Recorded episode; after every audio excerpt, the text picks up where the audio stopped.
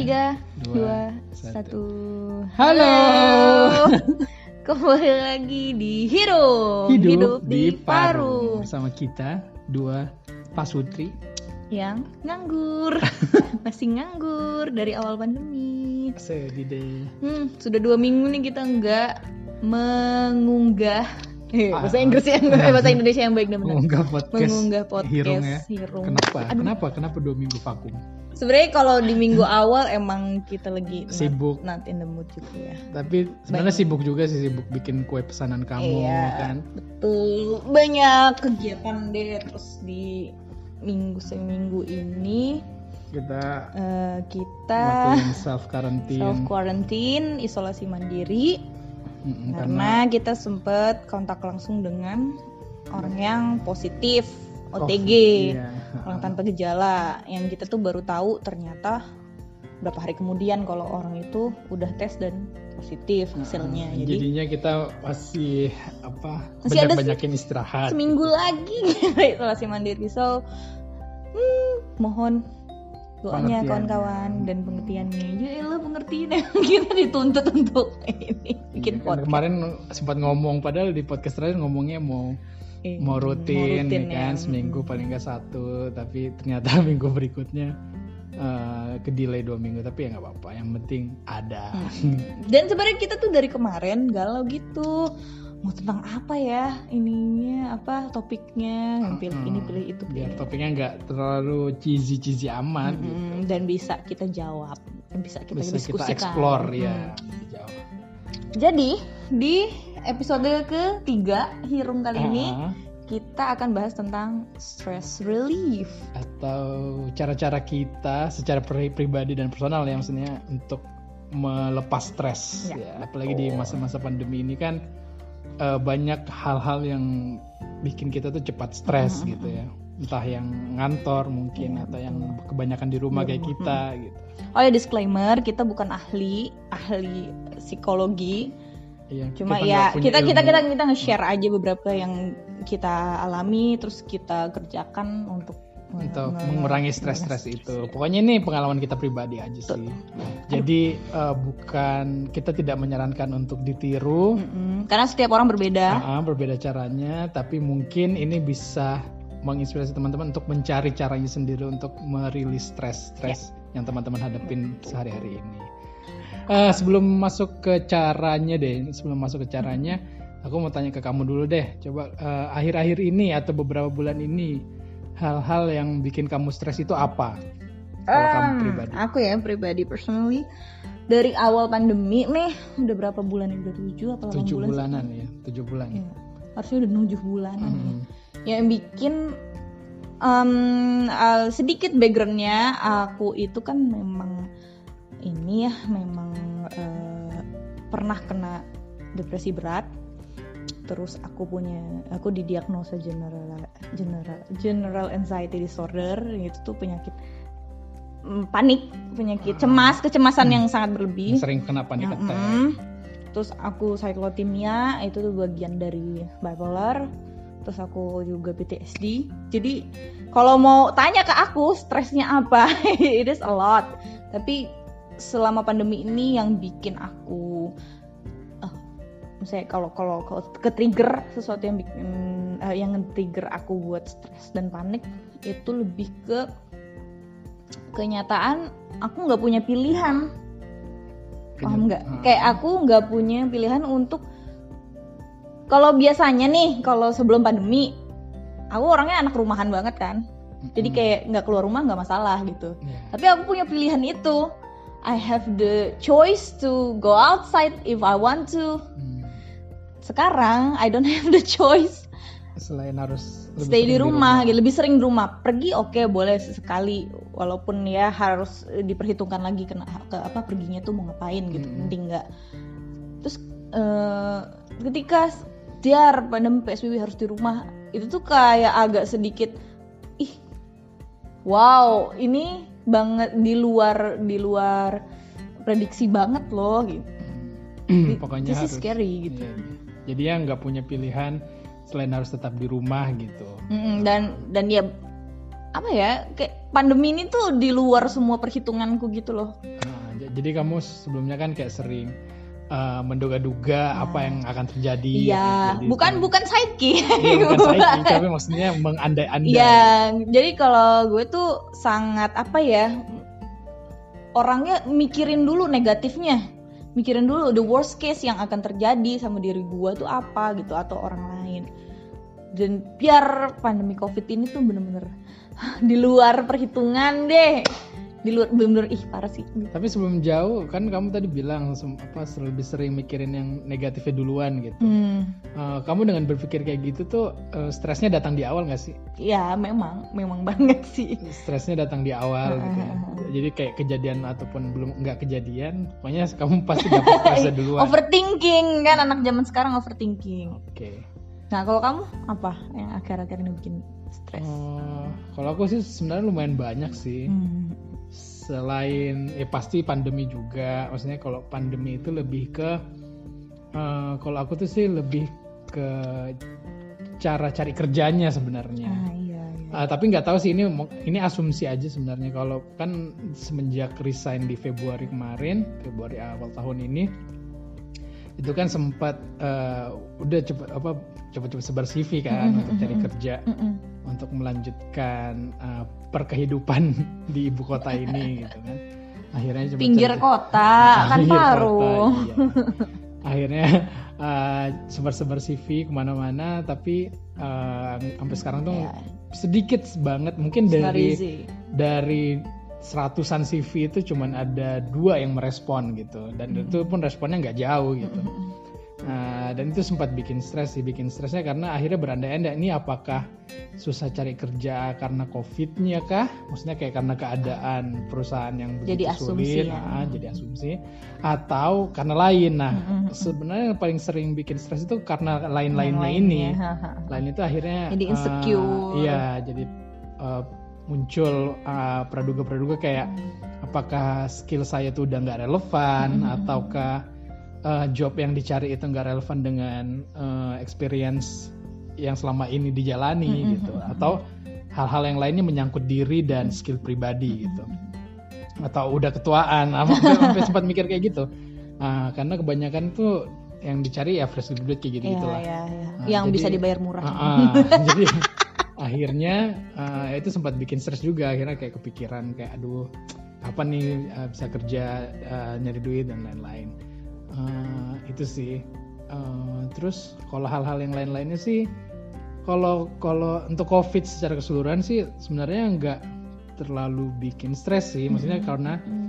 Uh, di rumah sebenarnya ya senang-senang aja. Lebih banyak waktu di rumah. Emang anaknya mager mager kan. Jadi kayak ya senang aja. Maksudnya kayak internetan di rumah. Cuman tiba-tiba kayak kalau harus ada kewajiban-kewajiban yang harus dipenuhin pamannya kayak eh tiba-tiba perekonomian udah makin sulit nih gitu kan. Kayak Tapi harus bayar ini iya dompet-dompet keluarga udah mulai tipis nih gitu.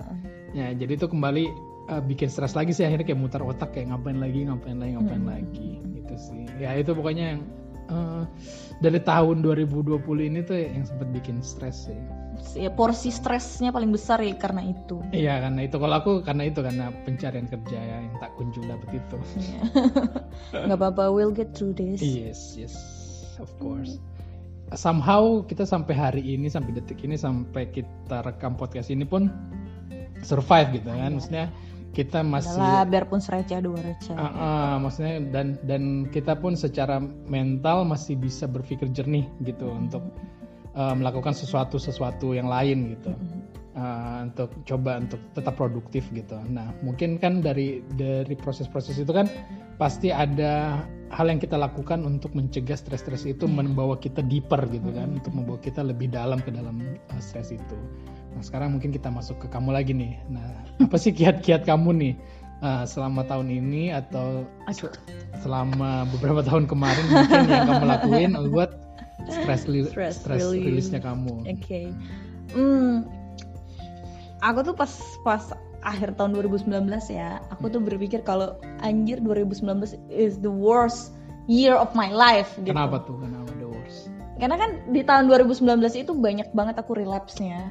Terus aku di awal tahun 2019 akhirnya baru memberanikan diri untuk get uh, professional help Hmm. from Dari- terapis iya. Terus dapat diagnosa psikolog itu ya. ya dan dan dan selama satu tahun 2019 itu kan kamu masih di Papua ya Mm-mm. terus eh, ketika aku harus konseling sendiri it's really hard gitu Mm. untuk tahu kayak kamu tuh begini kamu harusnya begini Hmm, gimana ya rasanya itu berat deh karena aku harus karena itu merasa sendiri, be- sendiri, eh, ya. merasa sendiri terus masuklah 2020 but at least 2020 ini kan ada kawannya gitu Hmm. ada kamu walaupun kamu juga kan enggak enggak enggak enggak enggak enggak, enggak. terus jadi eh, stress reli- reliefku em, dari kalau dari terapis nih aku tuh sempat diajarin untuk art therapy Mm-mm. Apa jadi itu art art therapy itu ya kamu ngegambar atau ngelukis dengan krayon atau dengan pensil warna atau dengan Oke. kuas dan cat air. Ah. Kalau Ah. aku disuruhnya kuas dan cat air.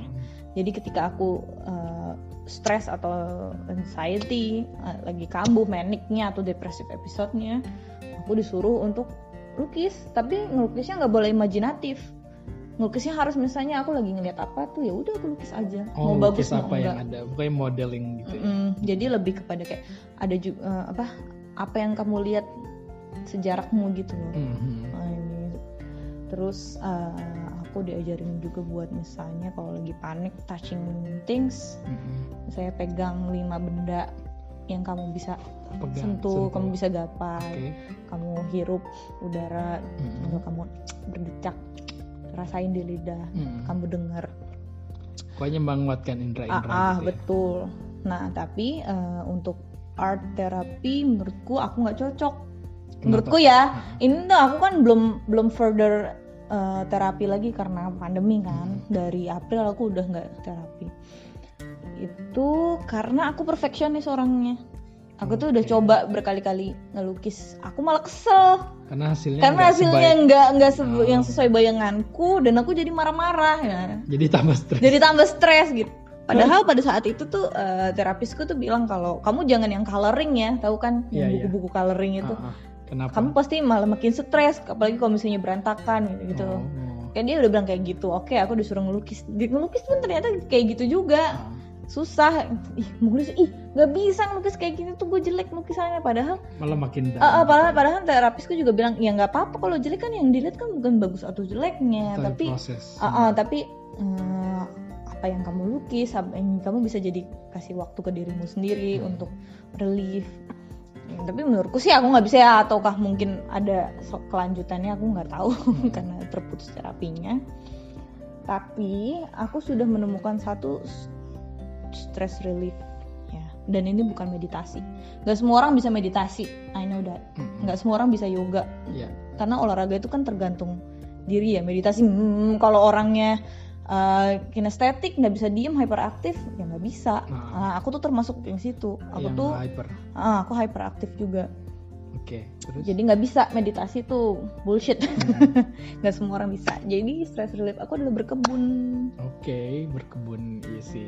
Tapi emang kayaknya kamu dari tahun lalu sih udah mulai ya berkebun berkebun. sebenarnya kalau berkebun udah dari lama tapi waktu itu kan di Bekasi kayak cuma tahu dikit-dikit aja nanam-nanam ternyata kirain wih udah keluar tunasnya tumbuh ternyata itu jelek mati Ah, gitu iya, iya. dan, aku baru seriusinnya sih ya akhir tahun kemarin Mm-mm.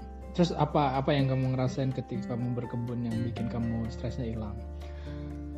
waktu awal kemarin uh, Maret ya berarti ya kita ngolah-ngolah tanah Mm-mm. aku kan di situ juga baru bel- belajar kalau sebenarnya yang dibutuhin tanaman itu adalah tanah yang hidup Oke. jadi kita harus ngolah tanahnya Ah-ah. Di situ tuh uh, aku tuh tiap pagi belajar uh, nanem-nanemin kan. Berarti kan aku seedling dulu kan nanem nanem biji. Terus kan aku ngoprek ngoprek ngoprek tanah dong. Ya. nah di situ sih aku nggak sadar. Aku tuh berkebun dari jam 7 atau di jam 10 itu ya meditasi untuk aku jatuhnya. Nah aku menyentuh menyentuh. Terus aku kamu- berbicara dengan pohon berbicara dengan biji gitu. Aku lihat alam aku perhatiin. Ih kalau lebah tuh ternyata begini ya. Eh kalau kupu-kupu tuh kalau kawin gitu loh. Ih kalau apa eh, cacing itu ternyata tuh bermanfaat loh buat tanah gitu. Dan dan aku coba yang dulunya takut terus aku pegang tuh sekarang udah nggak apa-apa. Oke. jadi kamu uh, sebenarnya berkebun itu lebih banyak mengeksplor hal-hal baru, Mm-mm. menyentuh hal-hal baru, melihat hal-hal baru yang sebelumnya kamu emang nggak nggak tahu kalau Nggak notice. uh, nggak Mm-mm. notice kalau hal-hal kecil itu ternyata indah. Gitu. Iya, dan dan menurutku berkebun mengajarkan untuk membumi Hmm, Oke. karena aku juga belajar untuk bikin kompos Mm-mm. dari sisa-sisa sayur, bahan-bahan organik dari rumah tangga, Iya. kayak kulit telur, sisa buah atau sisa sayur. Terus aku juga bikin ekoenzim semacam kayak ya sama juga, cuma ini versi cairnya. Terus aku jadi lebih menghargai ya kayak ternyata tuh kita tuh kalau sisa-sisa sayur gitu dibuang di sampah tuh ya nggak jadi apa-apa loh, nggak bermanfaat loh. Ternyata tuh Kalau dia buang di plastik sampah doang. ya. Uh-uh. ternyata kalau kita olah lagi tuh bermanfaat loh dan itu bagus untuk Untuk tanah. tanah. Oke. Oke, jadi eh, tapi ben- buat kamu itu seberapa efektif sih berkebun itu? Apakah kayak kalau kamu eh, tiba-tiba ngerasain stres terus kamu langsung berkebun dan Hmm. hilang Sangat efektif, Ah. seperti itu. gitu ya? Maksudnya Mm-mm. kayak tiba pokoknya itu kayak anti stres aja. Iya, pa- walaupun ya misalnya udah selesai berkebun aku kepikiran lagi. Tapi paling enggak aku ada Ada ada, yang ngedistract ya, ada jedanya enggak enggak 24 jam aku pikirin. Oke. Oke, nice. Kalau kamu apa? Stress relief-nya? Eh, kalau aku sih agak complicated sih sebenarnya karena eh, aku tuh anaknya cepet bosenan ya. Maksudnya nggak mm, nggak gampang fokus sama satu hal terus kayak ngedalamin gitu. Mhm. Jadi kadang-kadang eh, kalau aku mau stress relief itu yang paling aku rasa efektif akhir-akhir ini tuh sebenarnya masak sih kalau aku. Iya masak itu karena aku mm, jadinya menyibukkan diri ya maksudnya kayak Mm-mm. karena sibuk akhirnya aku- karena aku tuh di kepalanya suka mikirin uh, step-stepnya gitu loh kayak abis ini uh, harus ngapain ya habis ini harus ngapain ya dan dan menurutku tuh dimasak itu aku bisa melakukan itu gitu jadi kayak aku mikirin harus belanja apa dulu terus setelah belanja itu belanjanya harus diapain maksudnya harus dicuci kah atau harus langsung dipotong kah kemudian apa yang harus disiapin apa yang bahan apa yang harus masuk di duluan pokoknya gitu jadi intinya sama sih sebenarnya kayak kamu kayak menyibukkan uh, diri menyibukkan otakku untuk tidak memikirkan hal-hal stres yang sedang dilalui Hmm. gitu jadi dan menurutku tuh masak uh, ya walaupun aku nggak nggak bisa bilang kalau aku tuh jago masak ya maksudnya kayak uh, aku nggak mikirin hasil akhirnya lah yang penting uh, aku melalui prosesnya Hmm. gitu kayak aku motong-motong aku uh, nyicip uh, nuangin bumbu segala macam Iya. Iya dan itu lumayan merilis stresku sih. Itu sebenarnya salah satu caranya. Eh, kemudian kalau umpamanya porsi stresnya tuh lagi agak banyak sih, eh, aku lebih seringnya sih ja- jatuhnya ke diam sih kayak ketika aku lagi diam gitu lagi nggak pengen diganggu sebenarnya aku lagi merelaksasi diriku gitu kayak berpikir hmm, kira-kira uh, apa yang akan terjadi ya maksudnya dan aku harus ngapain ya. Sebenarnya kalau bisa dibilang sih ketika aku diam itu either di dalam otakku atau dalam diriku tuh lagi kacau banget. Jadinya aku kayak aku harus cari cara gimana nih nenangin bis yang di dalam dulu gitu. Jadi biasanya sih kayak aku uh, diem entah uh, ngapain. Pokoknya lebih banyak seringnya tuh bengong berpikir sebenarnya saat berpikir itu aku kayak lagi menghadapi diriku sendiri kayak nenangin diriku sendiri yang ada di dalam gitu kayak uh, tenang dulu. Kemudian uh, akhirnya kalau udah lumayan tenang terus akhirnya uh, sebenarnya kalau aku sih lebih sering balik-baliknya lagi sih uh, ke sholat gitu sih. Hmm. gitu. Kayak sering ngadunya tuh emang emang ke yang maha kuasa.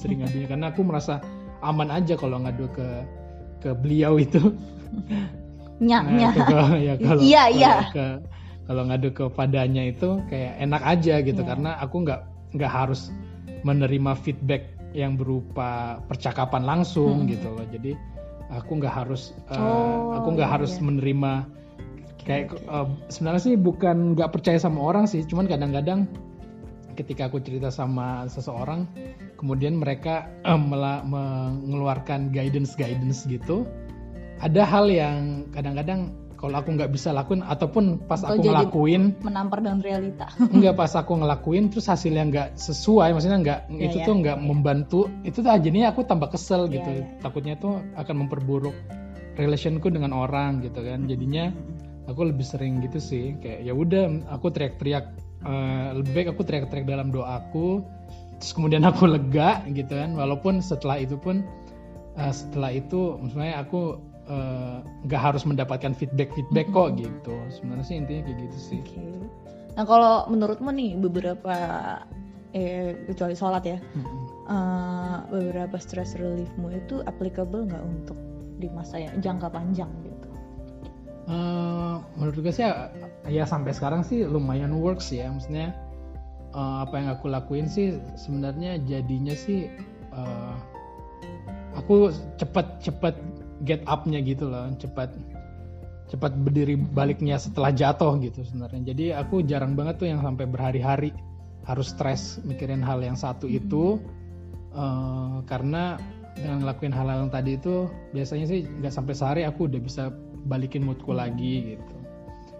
Bounce back. Heeh, bisa udah lebih lebih cepat bounce back. Sebenarnya ada satu lagi sih hal yang eh, menurutku sangat berpengaruh khususnya di tahun ini ya yang seperti kamu bilang tadi eh, semenjak kita bareng eh, apa-apa jadinya lebih ringan sih gitu. Walaupun aku nggak banyak share ke kamu masalah problem-problemku, tapi paling nggak ketika kita apa kita berdua gitu ya, maksudnya kayak kita duduk diam berdua, kita tidur di malam hari berdua gitu, paling nggak saling uh, get apa saling other's ya ya back, get got each each other backs back. itu walaupun itu nggak nggak ters- tersirat ya Yeah. maksudnya itu tersurat dan tapi menurut eh, tapi itu tuh membuat aku tahu kalau bebanku ini tuh bisa dibagi dua gitu Hmm. dan tanpa aku harus kayak ngasih kamu paksa kayak eh nih lu harus ngambil beban ini separuh tapi eh, tanpa dibilang seperti itu pun itu otomatis kayak apa yang aku rasain itu jadinya jauh lebih ringan entah aku yang dapat kekuatannya dua kali lebih eh, dua, Iya. dua, dua kali lebih atau eh, emang masalah itu terbagi dua jadinya Iya. gitu Nah sebenarnya kan sekarang nih kalau yang bikin susah untuk hmm, kayak gini ya kayak tadi yang kamu ceritain itu adalah orang-orang yang nggak punya siapa-siapa misalnya nggak ada ya yang emang emang emang nggak punya pasangan misalnya ah, atau yang rasa sendiri yang terus merasa sendiri terus Iya. sebenarnya itu kan yang agak agak susah ya Iya. kalau menurutmu bahkan kalau aku Hmm. lihat sih ada banyak kan sebenarnya kasus-kasusnya sekarang yang sebenarnya dia tinggal di suatu rumah yang ramai gitu ramai dengan keluarga tapi dia ngerasa sendiri Hmm. ya sebenarnya kan itu eh, banyak-banyak juga kejadian di teman-teman yang aku kenal gitu Hmm. kan Eh, dan emang apa ya hmm, ya itu dari dalam diri sih sebenarnya jadi bukan sekedar eh, present orang-orang yang ada di sekitar kita banyak gitu ya. Ya itu Cuman itu gimana agak sulit sih. sebenarnya memang harus harus ngobrolnya sama orang yang ahli ya sama profesional get some professional help. Cuma kalau lagi nggak bisa hmm, ngalihinnya mungkin ke kegiatan ya. Lebih ke kegiatan Iya, sebenarnya kalau bercermin dari apa yang kita lakuin berdua tadi sih, hmm, kayaknya emang menyibukkan otak akhirnya untuk mencari distraksi itu sangat penting sih. Walaupun umpamanya itu tidak eh, menjamin eh, menyelesaikan Hilang. Ah, masalahmu, betul. cuman Iya, paling iya, nggak betul. itu memberikan kamu waktu untuk lebih sadar Iya, gitu, untuk iya. lebih sadar untuk menghadapi masalah itu kembali gitu. tapi memang sebenarnya eh, paling nggak harus cari satu orang yang memang dipercaya banget karena lagi-lagi kita manusia makhluk sosial itu harus banget cari orang satu orang yang paling nggak yang dipercaya gitu. Iya, mungkin itu salah satu cara sih. Ah, tapi, tapi- aku tapi aku ada- nggak tahu sih ya kalau memang kayak Hmm. uh, pribadi orang-orang kan berbeda Iya, gitu betul, kan. betul Ada yang sih. memang anaknya nggak terlalu bersosial atau hate to be social. Oh, gitu. dan satu lagi, sebenarnya yang paling penting adalah kita sebagai teman atau saudara atau pasangan atau apa, itu perlu banget loh nanya, hey, how are you? Iya, It is saling important. kabar. Iya, Hmm. itu tuh sangat sangat sangat penting banget. Ah, ketika aku lagi aku kan binder ya, apa, ngerasa sendiri Mm-mm. itu biarpun aku udah nikah, biarpun aku punya saudara seabrek-abrek, aku Mm-mm. punya tambahan keluarga, aku tuh selalu ngerasa sendiri di saat itu. Apalagi ketika aku depresif episodenya lagi kambuh. Eh, Ketika sangat ada yang nanya itu, ketika ada yang nanya, Cak, apa kabar? Atau tiba-tiba chat, Cak, lo lagi di mana? Itu tuh kayak, wah, oh iya ya, Eh, ada loh ternyata yang nanyain gue, biarpun nggak nggak banyak tapi paling nggak ada satu orang yang ternyata tuh inget gitu sama gue dan itu tuh penting banget menurutku Iya sih bener. Jadi aku salah satu ketika lagi diam relaksasi itu, Hmm. eh, sebenarnya satu hal yang aku lakuin pada diriku tuh itu. Jadi aku mengingat-ingat eh, kebaikan orang-orang yang di sekitarku Ah, gitu. iya, iya, Eh, jadi kayak aku tuh kayak anggaplah yang dalam kasus pencarian-pencarian kerja ini ya. Aku tuh jadi eh, aku tuh langsung mengingat kayak ih banyak banget loh teman-temanku di luar sana itu yang Bantu. membantu aku secara langsung maupun tidak langsung gitu. Ada yang uh, memberikan uh, lowongan-lowongan Oh, melalui, iya. melalui pesan WhatsApp gitu kan. Itu tuh uh, itu tuh hal yang sederhana uh, yang mungkin di mata orang sederhana tapi buat aku yang ngejalanin itu kayak uh, merasa apa membuat aku tuh merasa kalau aku tuh nggak menghadapin itu sendiri, iya. gitu. Mm-mm. Jadi kayak ada teman yang ngebantu walaupun umpamanya uh, belum ada yang sampai uh, uh, apa aku dapat kerja tapi it- bukan bukan bukan itu bukan itu yang uh, bukan itu intinya Iya, gitu. iya. Intinya adalah uh, kawan-kawan itu ada Iya, gitu. someone care about Iya. you Apa aku suka menggambarin itu kayak aku lagi jalan tapi aku tuh nge- ngejalan itu nggak sendiri di kiri kananku tuh ada ada teman-temanku, mulai ada keluargaku tuh yang masih care gitu. Iya kalau aku tuh eh, kadang aku juga ngerasanya karena temenku circle temenku juga dikit kan ya Hmm. dan dan teman-teman deketku itu tuh tinggalnya ada yang di luar negeri ada yang di luar kota dan Hmm. kita nggak bisa ketemu atau apa Iya. kadang-kadang aku juga ih gila ya nggak ada nih yang nanyain gue gitu kok Mm-mm. gue udah eh, udah sepet begini tuh kok bukan sepet apa maksudnya kayak lagi sedih gitu kok nggak ada yang nanyain gitu. Terus aku balik lagi bercermin kenapa nggak lo aja yang nanyain ke orang? Iya, kenapa nggak lo yang ya? berkabar ke orang?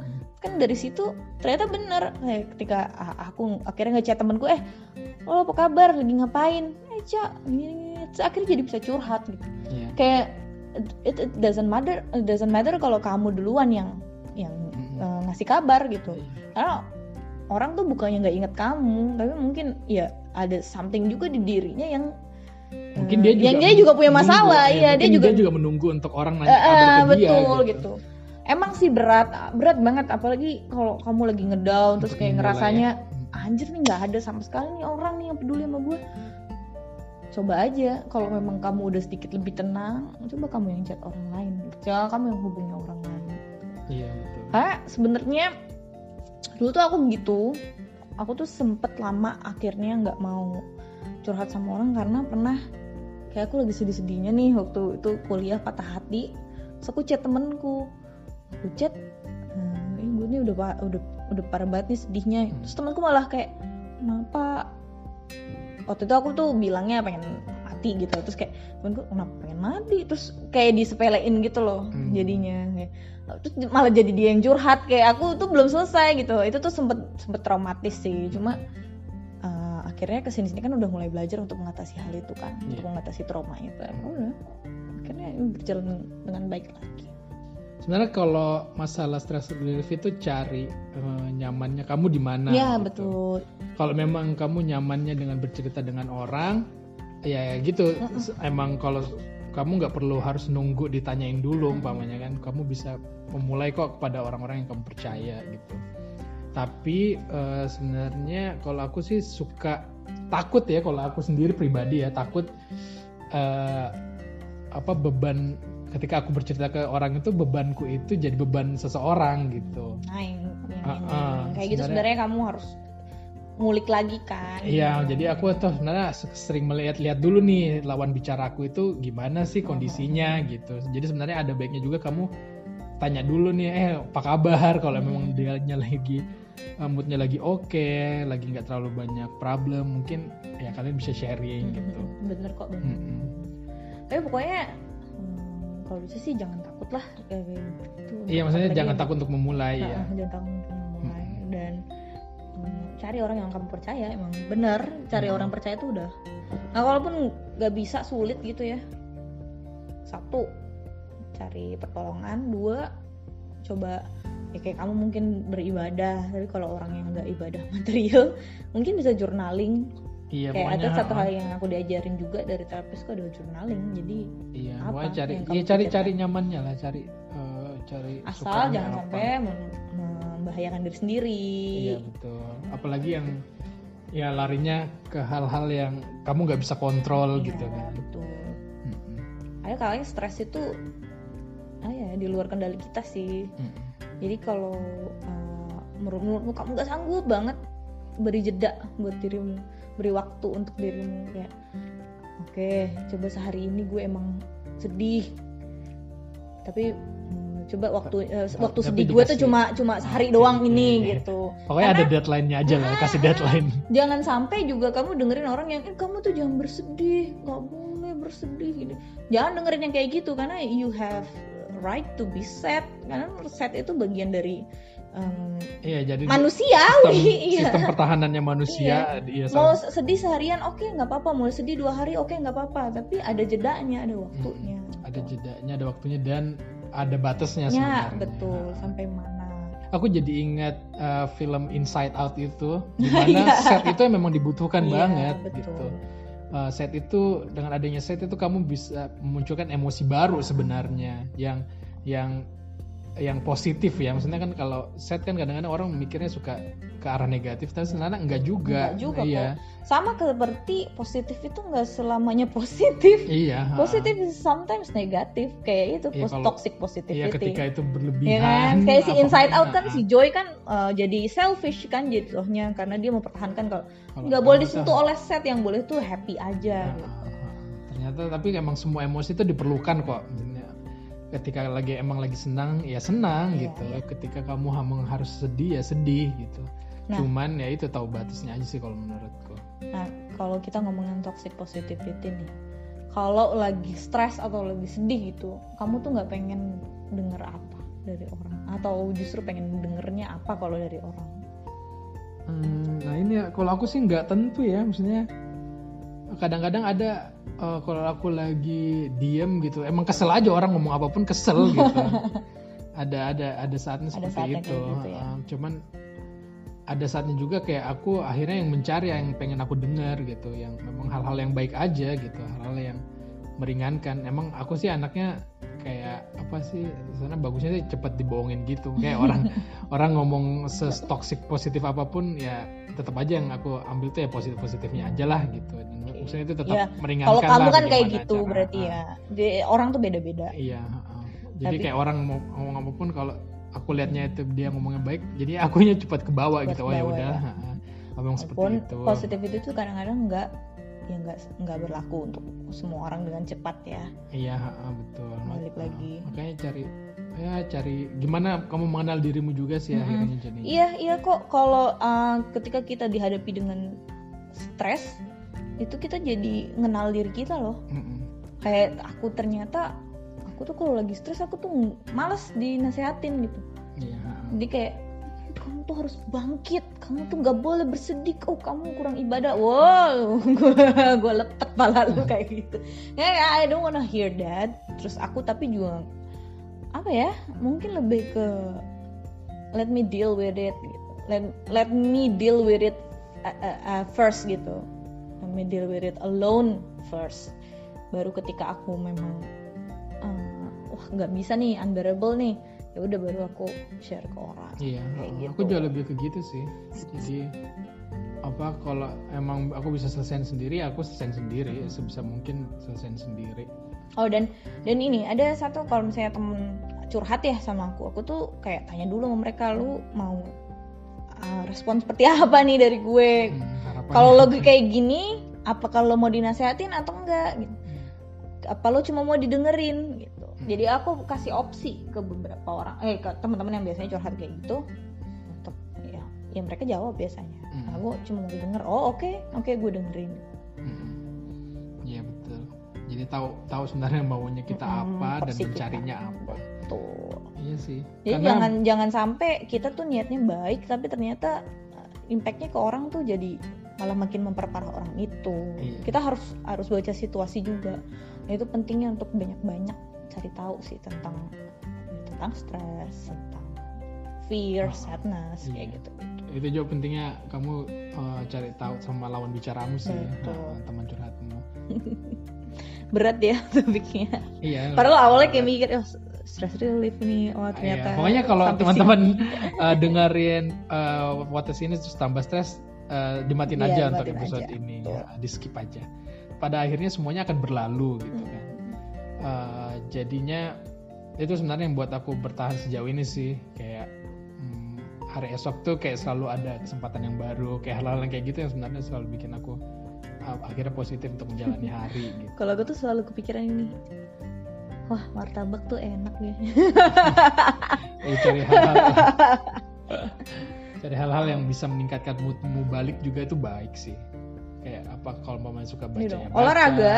suka makan ya makan. Termasuk sih olahraga tuh termasuk yang Nah, kalau Oke. kamu. Iya kalau kalau menurut memang penelitian cocoknya- studi Ah, kalau mengatakan olahraga, karena melepaskan olahraga. endorfin kan. Iya. Kalau ada yang sukanya jalan-jalan ya itu kan susah kan Hmm, kayak harus iya, jalan-jalan keluar. Kalau sekarang nggak bisa jalan-jalan terus gimana? Emang harus cari alternatif-alternatif. Kalau bisa sih eh, bagus juga tuh kalau bikin list eh, hal-hal yang kamu senangin Mm-mm, gitu kan. betul. Terus yang mana nih yang lagi mungkin kamu jalanin dari list-list tersebut? Ya udah dilakuin aja. Dan uh, saying nice things to ourselves itu juga sangat Iya, say, Penting. iya, say nice thing to ourselves. Kemudian kalau udah nice to ourselves, say nice to other people. Mm-mm. Karena eh, gimana pun sebenarnya kebaikan itu pun menular gitu kalau menurutku. Kalau kita menghadapi orang, kitanya lagi moodnya bagus, eh, menghadapi orang pun mood bagus itu buat baik itu bisa menyebar juga ke mood orang lain gitu sih. Karena kerasa kayak kalau kamu umpamanya lagi depres gitu ya, itu tuh kadang-kadang juga mempengaruhi ke aku juga iya, gitu. iya sangat kok Uh, sama sama ketika aku lagi uh, lagi agak stres kecil terus tiba-tiba kamu uh, bawaannya lagi happy aku tuh juga keikutan happy Hmm. gitu Hmm, jadinya uh, jadinya gitu sih mungkin mungkin manusia sebagai makhluk sosial tuh seperti Iya, itu iya, tidak betul. hanya di tampilan di society Mm-mm. cuman mungkin kita juga ada koneksi uh, secara batin sebenarnya Mm-mm. antar makhluk hidup Mm-mm. gitu terhubung melalui Mm-mm.